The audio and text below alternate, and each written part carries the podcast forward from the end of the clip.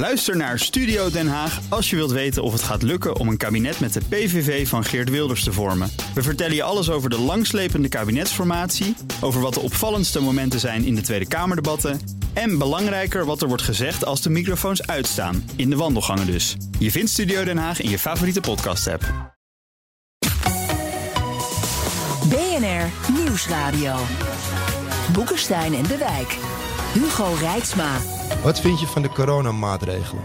Onzin. Dat wij weer onze vrijheid terugkrijgen. Dat we weer vrijheid van meningsuiting hebben. En als iemand zich inleest op andere bronnen, dan mag hij dat ook verkondigen.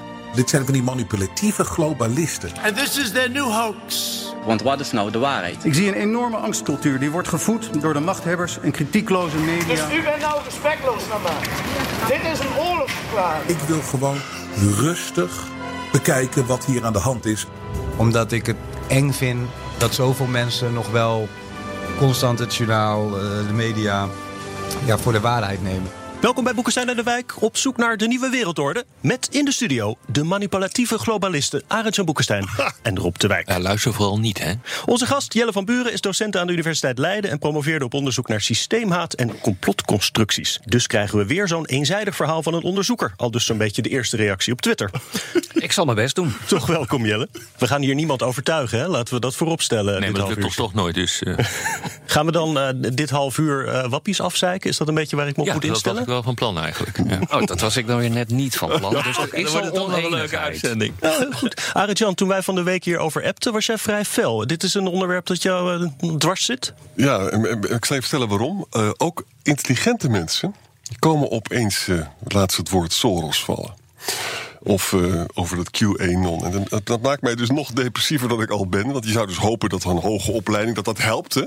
Maar nee, het gaat door alle lagen van de ja, bevolking heen. Ook, bij, ook bij onze luisteraars. Ja. Dus het wordt een hele moeilijke ja, uitzending. Ik gaf gisteren een, uh, een lezing voor uh, zeer hoog opgeleiden. En één die bestond het echt om de vraag te stellen van... ja, dat, dat virus, is het nou bewust uit een laboratorium in Wuhan ontsnapt? Door die Chinezen om ervoor te zorgen dat ze de wereld onder controle krijgen. Dat waren hoogopgeleide mensen. Maar wat was je antwoord dan? Ik, uh, of die man gek was geworden. en uh, uh, hoe die dan denkt dat dat zou zijn, zou zijn gegaan. En hoe die dan erachter zou kunnen komen. Of die Chinezen ook nog een keer bedacht hadden hoe ze dat zouden contro kunnen controleren in eigen land. Nou, daar kwam natuurlijk geen antwoord op. Hij zei: Nee, nee, maar ik stel de vraag alleen maar. En dat moet ik zeggen, dat hoor je heel vaak. Ik stel de vraag alleen maar. Maar de vraag stellen is een bijna beantwoorden. Ja, maar dat, dat is de dynamiek die je ziet. En het begint ook meestal met het stellen van vragen. Waarbij eigenlijk dus al de twijfel een beetje wordt uh, gezaaid. En het is nu ook heel erg gekoppeld aan wat natuurlijk ook een soort fetish is geworden. Ik mag dan toch, toch een mening hebben. Ja. Die Ja. mag ik toch uiten. Mening, vrijheid van meningsuiting. Bij mijn weten wordt dat nooit verboden. Alleen, ja, het is een mening. Eh, Precies wat het is. precies wat het is. Maar dat maakt het zo ingewikkeld, want iedereen beroept zich er nu op van... ik stel alleen maar kritische vragen. Mag dat ook al niet meer in dit land? Ja. Ja, en dan is de discussie eigenlijk bij voorbaat al een beetje doodgeslagen. Ja, absoluut. En hoe gaan we daarmee om? Of mag ik die vraag pas aan het eind van het programma stellen? We moeten nog een tijdje. En Jij bent de programmamaker. Jelle, die, die Eh, mensen zo- die we de laatste tijd op het Malieveld hebben zien demonstreren tegen het coronabeleid. Mij viel op dat het hele verschillende types waren. Ik zag eh, voetbalfans, eh, bloemenmeisjes, alles door elkaar. Kruidenvrouwtjes. Ja, Wie is de, de complotdenker? Nou, de complotdenker bestaat niet. Daar is niet één profiel van. Net zoals we daar te vergeefs voor hebben gezocht als het gaat over extremisme of radicaal, eh, radicalisering. Maar wat je wel ziet, en dat is al langer gaande, eh, dat is wat ik eh, eclectisch protest noem. Al die vakjes die we ooit bedacht hebben, linksextreem, rechtsextreem, jihadisme, dierenrechten, activisten. Zo hebben we de wereld een beetje geordend. Daar houden ze zich niet meer zo aan daarbuiten. Dat is heel vervelend, dat doen ze wel vaker, dat ze zich niet aan onze concepten houden. En wat je daar nu ziet, is dat eigenlijk verbonden door een soort algeheel gevoel van wantrouwen, eh, woede, grieven, misschien ook angst voor de toekomst. Dat bindt een hele diverse groep samen. En dan zie je inderdaad de hippies, eh, de gele hesjes, de hooligans, eh, extreem rechts probeert aan te haken. Heel veel spirituele liefde was er ook op het Malieveld Ja, te zien. ja. Maar soms ook hele eh, haast ongerichte woede en agressie tegen de politie. Dus dat is moeilijk te duiden.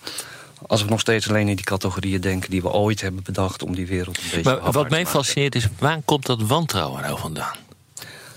Ja, dat is een goede vraag. En, en, en het wordt nog veel erger, want Pieter Omzicht is heel op een afschuwelijke manier aangevallen. Nou, als je een beetje kennis zou hebben, dan zou je weten... nou, Pieter Omzicht is iemand die dus bijvoorbeeld bij de MH17... heeft die dingen gezegd die die groep misschien toch wel prettig vond. Hè? Dus dat is een, een opvallende outside CDA eigenlijk. Hij wordt dus ook aangevallen. Dus betekent, ze hebben dus zo'n groot ideologisch filter dat het ook ongericht naar buiten komt. En dat het kennelijk zo is dat mensen het heel erg fijn vinden van wij behoren dus bij de goede groep en de rest is fout. En het is compleet zwart-wit en dat gaat gewoon door. Het is psychopathologisch bijna. Maar waar, nogmaals, maar waar komt de wantrouwen dan vandaan? Nou, ik, dat kun je wel redelijk verklaren. Alleen dan heb je het over hele grote transformaties in de maatschappij. Ehm, de politiek is veranderd. Eh, waar je vroeger veel duidelijkere politieke tegenstellingen had, duidelijker ideologische verhalen, is dat op een gegeven moment allemaal iets meer naar een soort grijs midden eh, gegaan. Waardoor het onduidelijk was waar nu nog precies de posities uit bestonden. Eh, het hele medialandschap is veranderd. Waardoor er natuurlijk ook veel meer alternatieve informatie en verklaringen heel snel de ronde kunnen doen en ook door iedereen heel makkelijk te consumeren zijn. Eh, vergeet niet, er zijn soms ook echte schandalen. Ehm, denk aan wat eh, bijvoorbeeld de Belastingdienst ehm, heeft gedaan. Eh, die heeft toch een flink aantal mensen in Nederland gewoon heel grof onder de bus gegooid. Ja. Allemaal, en zo zijn er natuurlijk wel vaker dingen die fout gaan. Ehm, dat bij elkaar geklonterd eh, verklaart een wantrouwen wat er denk ik vroeger Maar ook al dat- was, alleen dat- minder zichtbaar. En dat vertaalt zich dus nu in allerlei complottheorieën. Tegelijkertijd, wat ik ook fascinerend vind, is dat het opleidingsniveau Gestegen hoog is. is. Dus kunnen die mensen dan niet meer denken? Leren die helemaal niks op de universiteiten waar, Nou, jij- waar wij drieën werkzaam zijn? Ik bedoel, wat is hier nou in godsnaam aan de hand? Nou, het, het gaat niet alleen over eh, kennis en rationele benadering. Ik denk dat we die fout wel eens maken. Dit heeft ook gewoon heel veel met emotie te maken. Wantrouwen, angst, eh, hoop, onzekerheid. Wat zo net ook al werd gezegd, juist die complotverhalen... die maken die wereld weer heel erg overzichtelijk. En dan hoor je bij een groepje. En dan, het geeft identiteit. En dat is ook een belangrijk ding. En identiteit is ook meer emotioneel dan eh, rationeel. Het maakt een complexe, verwarrende wereld weer Maar En je weet wie goed is en wie fout. En wie de schuldige is. En daar zit dan ergens de hoop in dat het dus ook nog beter kan. Maar het belangrijkste verschil met vroeger is... Kijk, als je het dan vergelijkt met tijden van de verzuiling... was het zo dat de leiders van de zuilen... die zeiden een beetje wat je moest denken. Dat werkte ook echt. Hè? Dan keek je naar Abraham Kuyper en zo. Nu is dat allemaal ontzuild, ontkerkelijkt. En ook kranten zijn natuurlijk veel minder belangrijk geworden. En kranten waren natuurlijk heel duidelijk ook filters. Hè? Dus met, met andere woorden, voordat je het weet zit je op social media. En er komt ongecontroleerd komen allemaal stukken op af die soms ook een beetje slim zijn geschreven, maar waardoor bepaalde argumenten steeds worden benadrukt. Dan moet je ook niet verbaasd zijn dat er een heleboel mensen dat dan absorberen. Ja, wat, wat- wat mij ook opvalt is, eh, je zei van het is niet helemaal te duiden, maar als ik kijk op Twitter, en wat, wat me dan zelf overkomt op, eh, op Twitter, dan is dat heel vaak van die eh rechtsradicale types die allerlei eh, complottheorieën aanhangen, die in belangrijke mate geïmporteerd zijn uit, uit Rusland. Eh, dat kan je gewoon zien. En als je op Instagram eh, kijkt, dan zie je veel meer, eh, laten we zeggen, cohorten van bomenknuffelaars die daar eh, bezig zijn. Er zit echt dat spirituele, Spirituele, hoekje is daar ja. verzameld. Hè? Ja. Ja, maar dat, is ook. Wat is dat? Nou ja, oh, die is ook interessant. Eh, we hebben daar de term conspirituality voor uitgevonden. Heb ik niet gedaan. Maar het is een samensmelting van conspiracy en spirituality. Ehm, die complotverhalen kun je haast als een soort zeg maar, quasi eh, eh, geloofsovertuigingen eh, zien. Daar zit wel ook een hunkering in van mensen naar zingeving, betekenisgeving. Veel van de oude religies hebben die functie verloren. Eh, je hoort veel de klachten. De moderne maatschappij is zo technocratisch, is zo rationeel, is zo afstandelijk, is zo koud. Dus daar is ergens wel een soort vacuüm ontstaan. Wat op deze manier eh, gevuld wordt. En op dit moment zie je juist die combinatie van spiritualiteit. zit ook heel veel over gezondheid bij.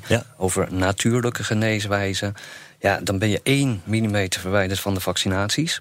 en dat komt nu natuurlijk op een ongelofelijke manier eh, in coronatijd eh, bij elkaar. Het is wel haast een soort perfect storm eh, waar we in zitten.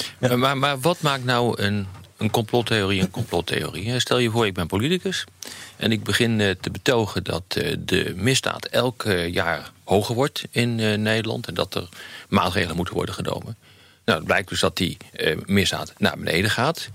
Is dat nou een complottheorie of is dat nou gewoon fake news of is het gewoon uh, stomzinnigheid? Wat is het nou eigenlijk? Dat is fake news. Maar, als je zegt, maar wat is het verschil dan tussen fake news en een complottheorie? Een complottheorie is dat je ook een oorzaak hebt van het feit. Ja, maar dat zijn, ja, natuurlijk heb je die oorzaak. Dat zijn Marokkanen natuurlijk. Kom op. Dan, dan, dan, heb je een complottheorie. Dan heb je een complottheorie. Nou, nee, want er zit namelijk ook nog een kern van waarheid in... dat inderdaad uh, Marokkanen een vrij grote groep is. Dus is het nou een complottheorie of niet? Nou, waar wij proberen de, zeg maar, de streep te trekken, is dat bij complottheorieën gaat het eigenlijk altijd over een verklaring die wordt geboden voor een situatie of ontwikkeling die verschrikkelijk wordt gevonden. Ja. En je verklaart dat door dat uh, toe te wijzen aan een relatief kleine groep mensen die in het geheim samenwerkt met kwade bedoelingen. Ja. Ik heb nog nooit iemand uh, het verwijt horen geven van... jij zweert samen om de mensheid beter te maken. Dus die verschillende elementen moeten erin zitten. Tegelijkertijd de grens met fake news, desinformatie, propaganda... is natuurlijk ook altijd vloeiend. Dat kan behoorlijk door elkaar heen lopen. Ik zit hier echt met academici aan tafel. We hebben nu de definitie goed. Nou, dan gaan we proberen. We hebben hem goed. Uh, we kunnen volgende kwartier verder te komen. BNR Nieuwsradio. Boekenstein en de Wijk. Op zoek naar de nieuwe wereldorde. Dit is Boekenstein en de Wijk. En dat programma is natuurlijk niet zonder Arjan Boekenstein en Rob de Wijk. Mijn naam is Hugo Reitsma. En onze gast Jelle van Buren is van de universiteit. Dus dat kunt u vertrouwen.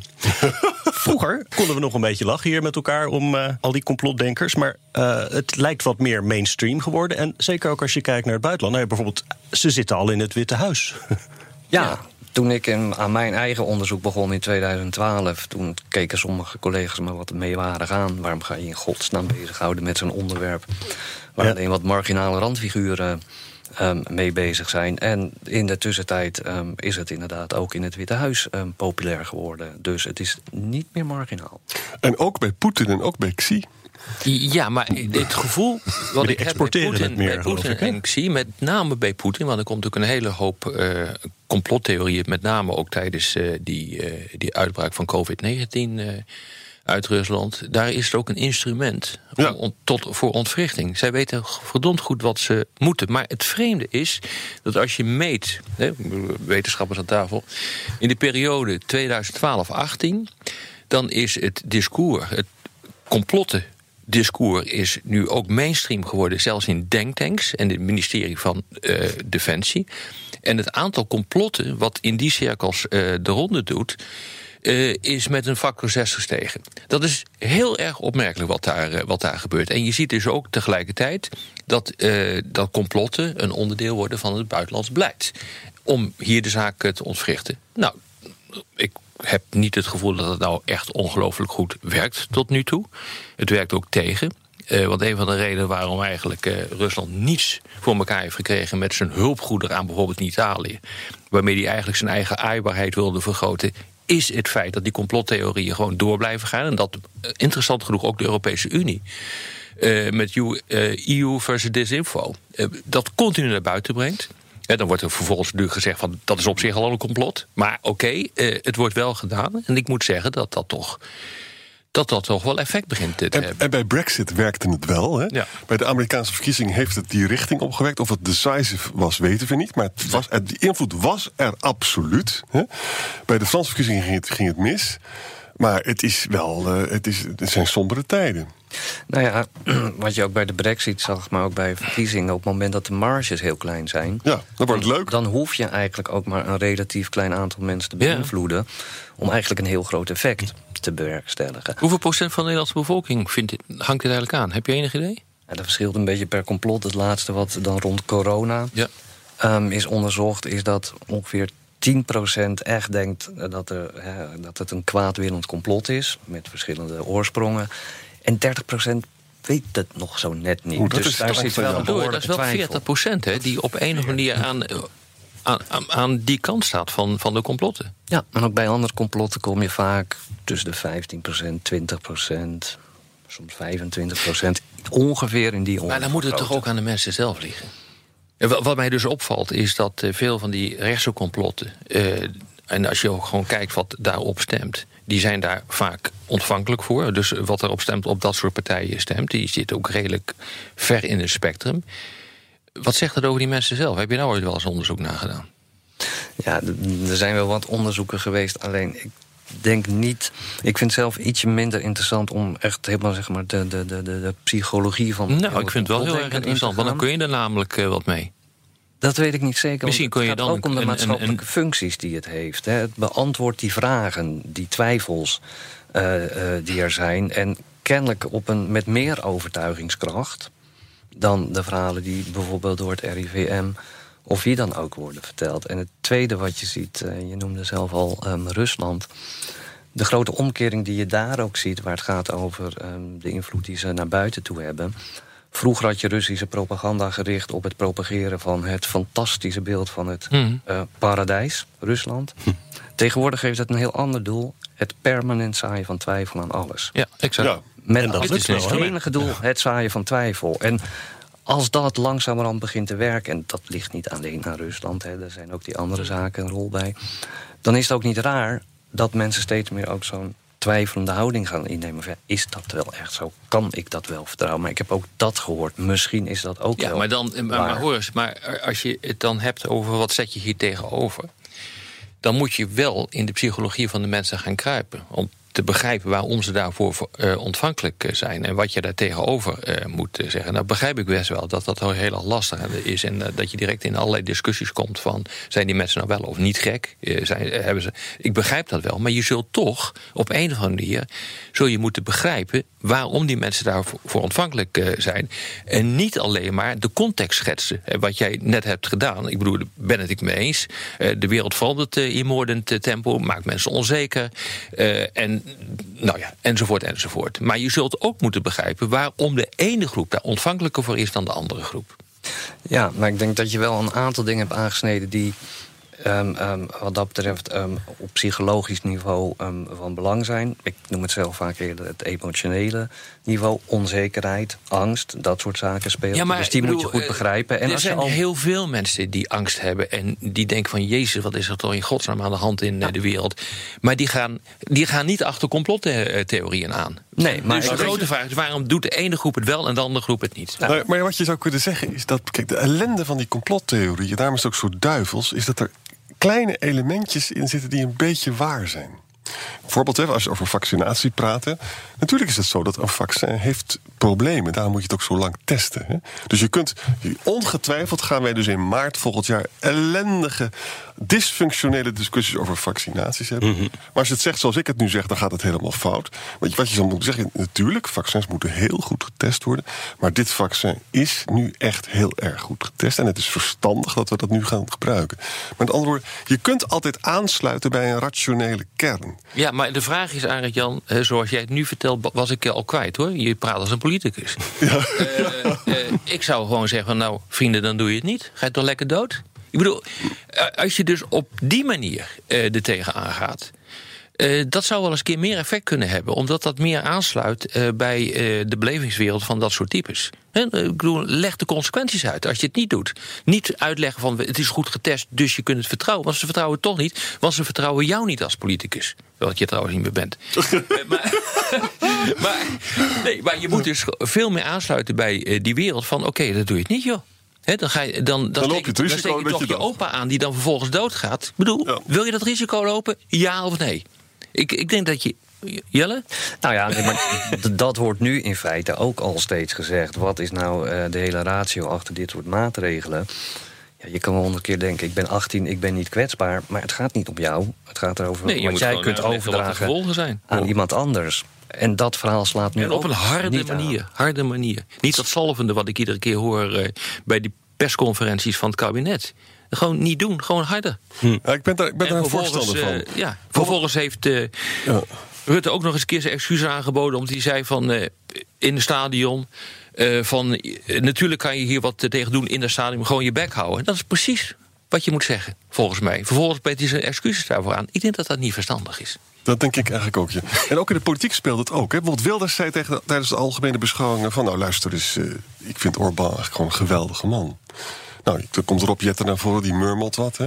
Maar dan moet je gewoon keihard zeggen... oké, vind je dat? Ga je dan ook Nederlandse universiteiten sluiten? Ga je ook vriendjes als oprechter benoemen? Ga je journalisten opsluiten? En ik dat zou gebeurt niet. zeggen, nee, je- meneer, je ontmasker jezelf. Hè? Ik bedoel, daar moet je gewoon keihard in zijn. Maar dat gezalf allemaal, dat gaat hier gewoon niet werken volgens mij. Ja, we zijn een beetje bang geworden voor eh, de stem op de straat. Ja. De jaren geleden is ook in de media dat idee ontstaan van... oh, we zijn dingen over, hebben we dingen over het hoofd gezien. We moeten Mhm. mensen weer serieus nemen. Wat voor een gedeelte ook altijd goed is om te doen. Maar het is een beetje doorgeslagen. En nu is het bijna uitgesloten dat je inderdaad vrij stevig zegt... dat iemand onzin praat of iemand rechtstreeks het confronteert... met de consequenties van bepaalde opvattingen. Eh, De mening is heilig geworden. Ja. Ik mag mijn mening toch wel geven. En wie bent u? Wilt u mij de mond snoeren? Exact, ja. Dat is de dynamiek waar je in zit en die is heel moeilijk weer terug. En ook, ook bij de pandemie. In het begin zeiden PVV en eh, Thierry... jullie nemen veel te weinig maatregelen en te laat. Nu zeggen ze, nou, dat is allemaal bizarre maatregelen. Die inconsistentie die mag toch Maar niet blijven bestaan. Niet, het maakt niet uit wat je zegt. Dat is het hele punt. Maar het is zo ongeloofwaardig. Nou, Zo nee, niet in de ogen van een, een deel van het electoraat. En dan kom ik terug op mijn punt. Van waarom vinden die mensen dat? Waarom lopen ze daarin mee? En dan is het voor mij echt onvoldoende om te zeggen van ja, de wereld verandert en mensen worden onzeker. Ja, ik bedoel, ik, ik heb ook geen grip op de wereld. Maar volgens mij loop ik niet achter complottheorie aan. Denk ik, tenminste. En op Twitter moet je je eigen identiteit prijsgeven. Je kan niet meer dus eh, onder andere namen. Dat, dat moet je kunnen regelen, toch? Ja. Ik denk dat complotminnend Nederland op dit moment wel een, eh, een feestje aan het eh, vieren is. eh, om te horen welke totalitaire maatregelen hier allemaal worden voorgesteld door de dienaars van de elite. ook zo. wij zijn een trollenfabriek. Ja. Nee, maar dat is natuurlijk de keerzijde van, eh, van, van de medaille. Maar wil je de boel niet helemaal uit de klauwen laten lopen... dan, ja, dan zul je op een gegeven moment wel moeten. Dat is ook niet mijn keuze. Maar goed. Slotwoord, Jelle? Nou, ik geloof niet dat ik nog iets toe te voegen heb aan de verzamelde wijsheid die hier over tafel wel. is gegaan. Zeg eens wat verstanders, kom op. Nee, dan doen we het gewoon zo. Op de radio ronden we af. Maar op de podcast gaan we door met luisteraarsvragen. We hebben weer hele leuke vragen binnengekregen. Luistert u op de radio, dan verwijs ik naar Apple Podcast, Spotify of bnr.nl. Willem zegt... Er is geen corona. Er zijn bij deze podcast enkel luisteraars uit Zaltbommel. Of gaat u mij vertellen dat zij een complot zijn verbonden met die vrijmetselaar Arend-Jan Boekenstein? Deze vraag beantwoordt zichzelf. Jo heeft het ontdekt. Ik ben inderdaad... eh, Je bent ontmaskerd. Je bent ontmaskerd. Maarten van Wely dan. Hoe komt het dat mensen gevoelig zijn voor complottheorieën? Heeft het een psychologische oorzaak? Zijn bepaalde groepen oververtegenwoordigd? Inkomen, opleidingsniveau? Ja, dat zijn ook allemaal categorieën die we eigenlijk al langs hebben gelopen. hè? Dat hebben we al behandeld. Maar het is dus alle categorieën.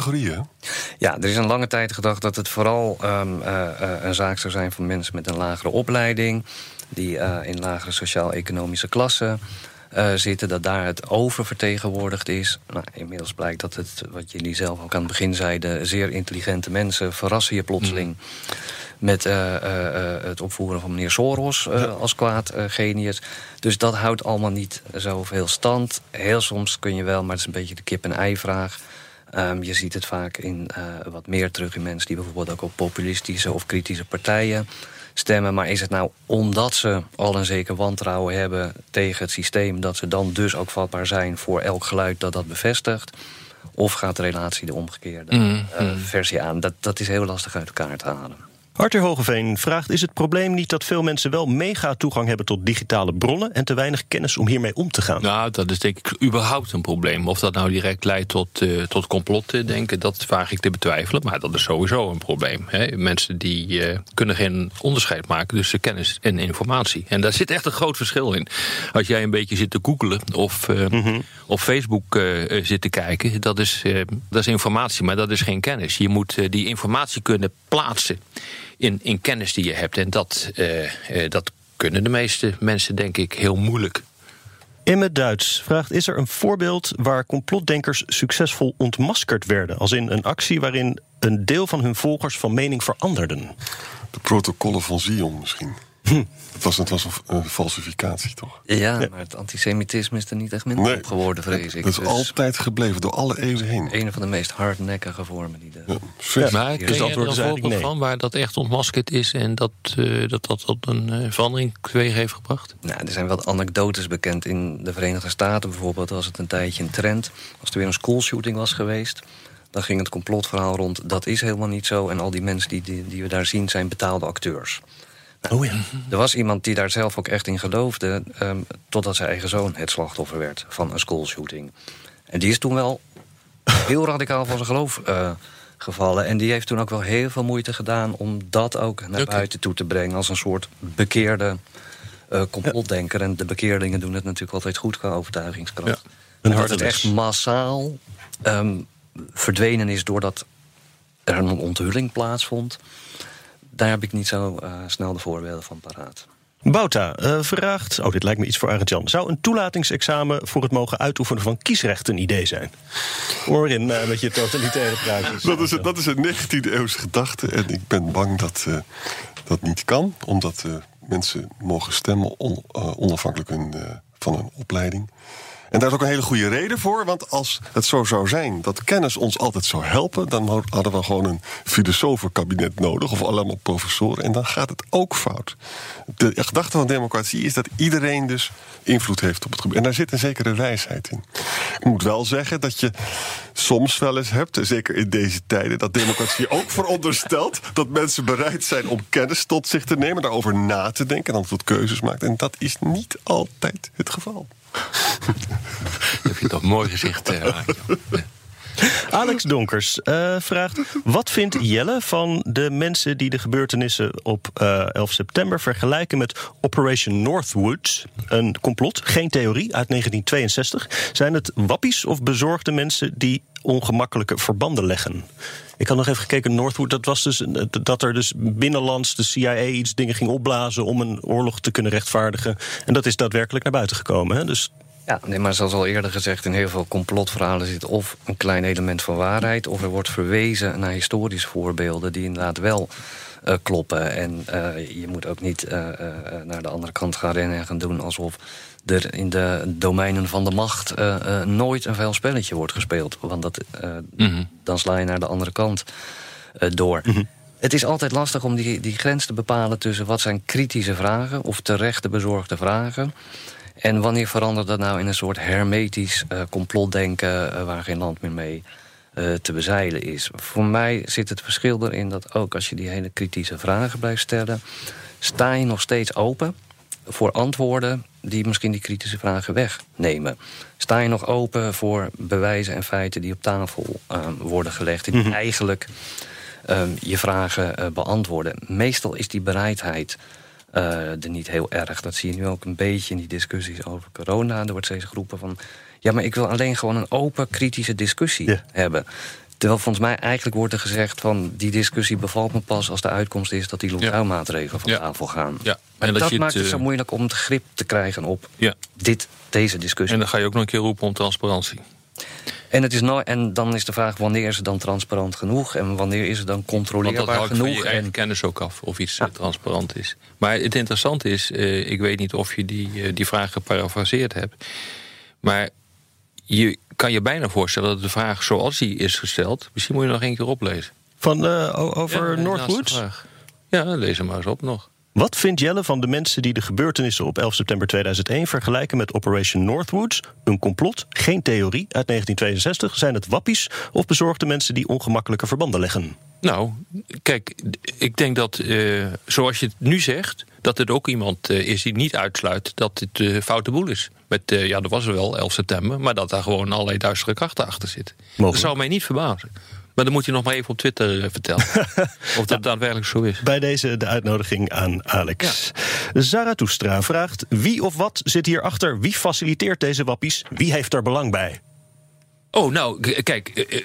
Wat er aan desinformatie uit Rusland komt, dat is volstrekt helder. Ik bedoel, eh, je hoeft alleen maar te gaan naar de website van eh, de president, Poetin in dit eh, geval, om te kijken hoe dat in elkaar steekt met betrekking tot de, de militaire strategie, de veiligheidsdoctrine van, van Rusland. Daarin staat gewoon dat ook informatieoperaties, en dit zijn gewoon informatieoperaties, een middel zijn om het, eh, om het Westen te ondermijnen. En als je het Westen ondermijnt, dan kunnen ze niet aanvallen. Dat is eh, zeg maar de logica die, daar, eh, die daarachter zit. Uh, dus daar zit inderdaad gewoon een, een, een, bewust beleid uh, achter. China ook.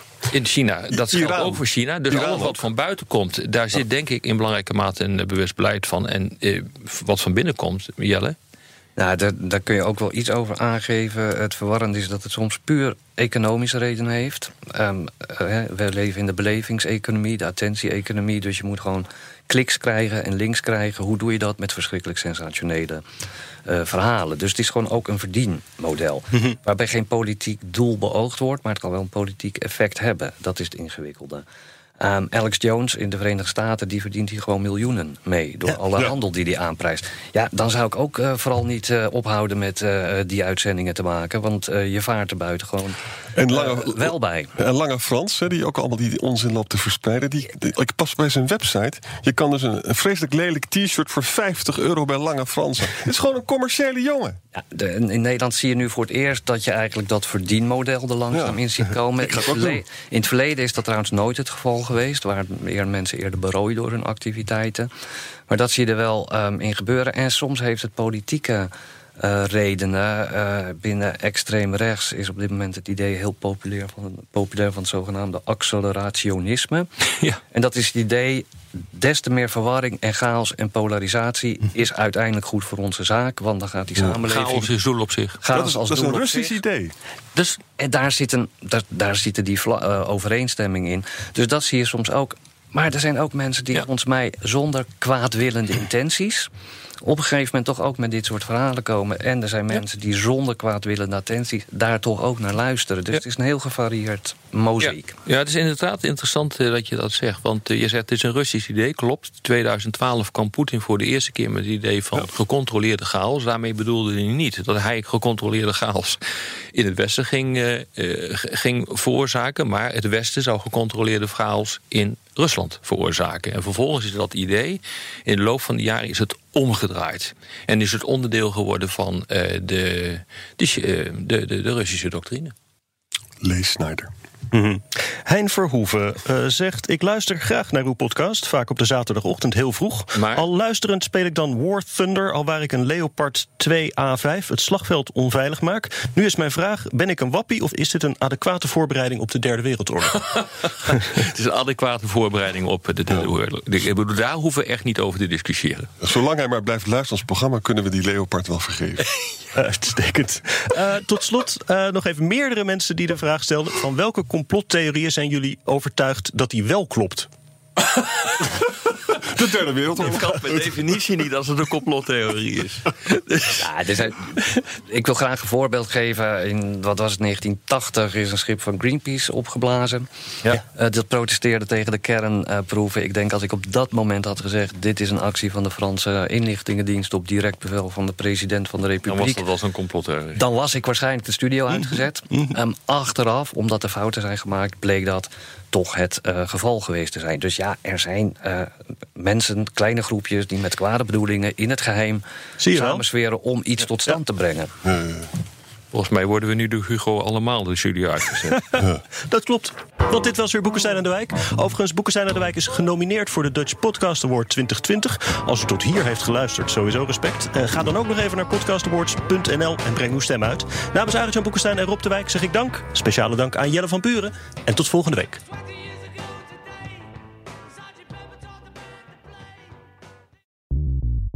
Bij BNR ben je altijd als eerste op de hoogte van het laatste nieuws. Luister dagelijks live via internet. Bas van Werven. En heel langzaam komt de zon op rond dit tijdstip. Je krijgt inzicht in de dag die komt op BNR, het Binnenhof in Nederland en de rest van de wereld. De Ochtendspits. Voor de beste start van je werkdag. Blijf scherp en mis niets.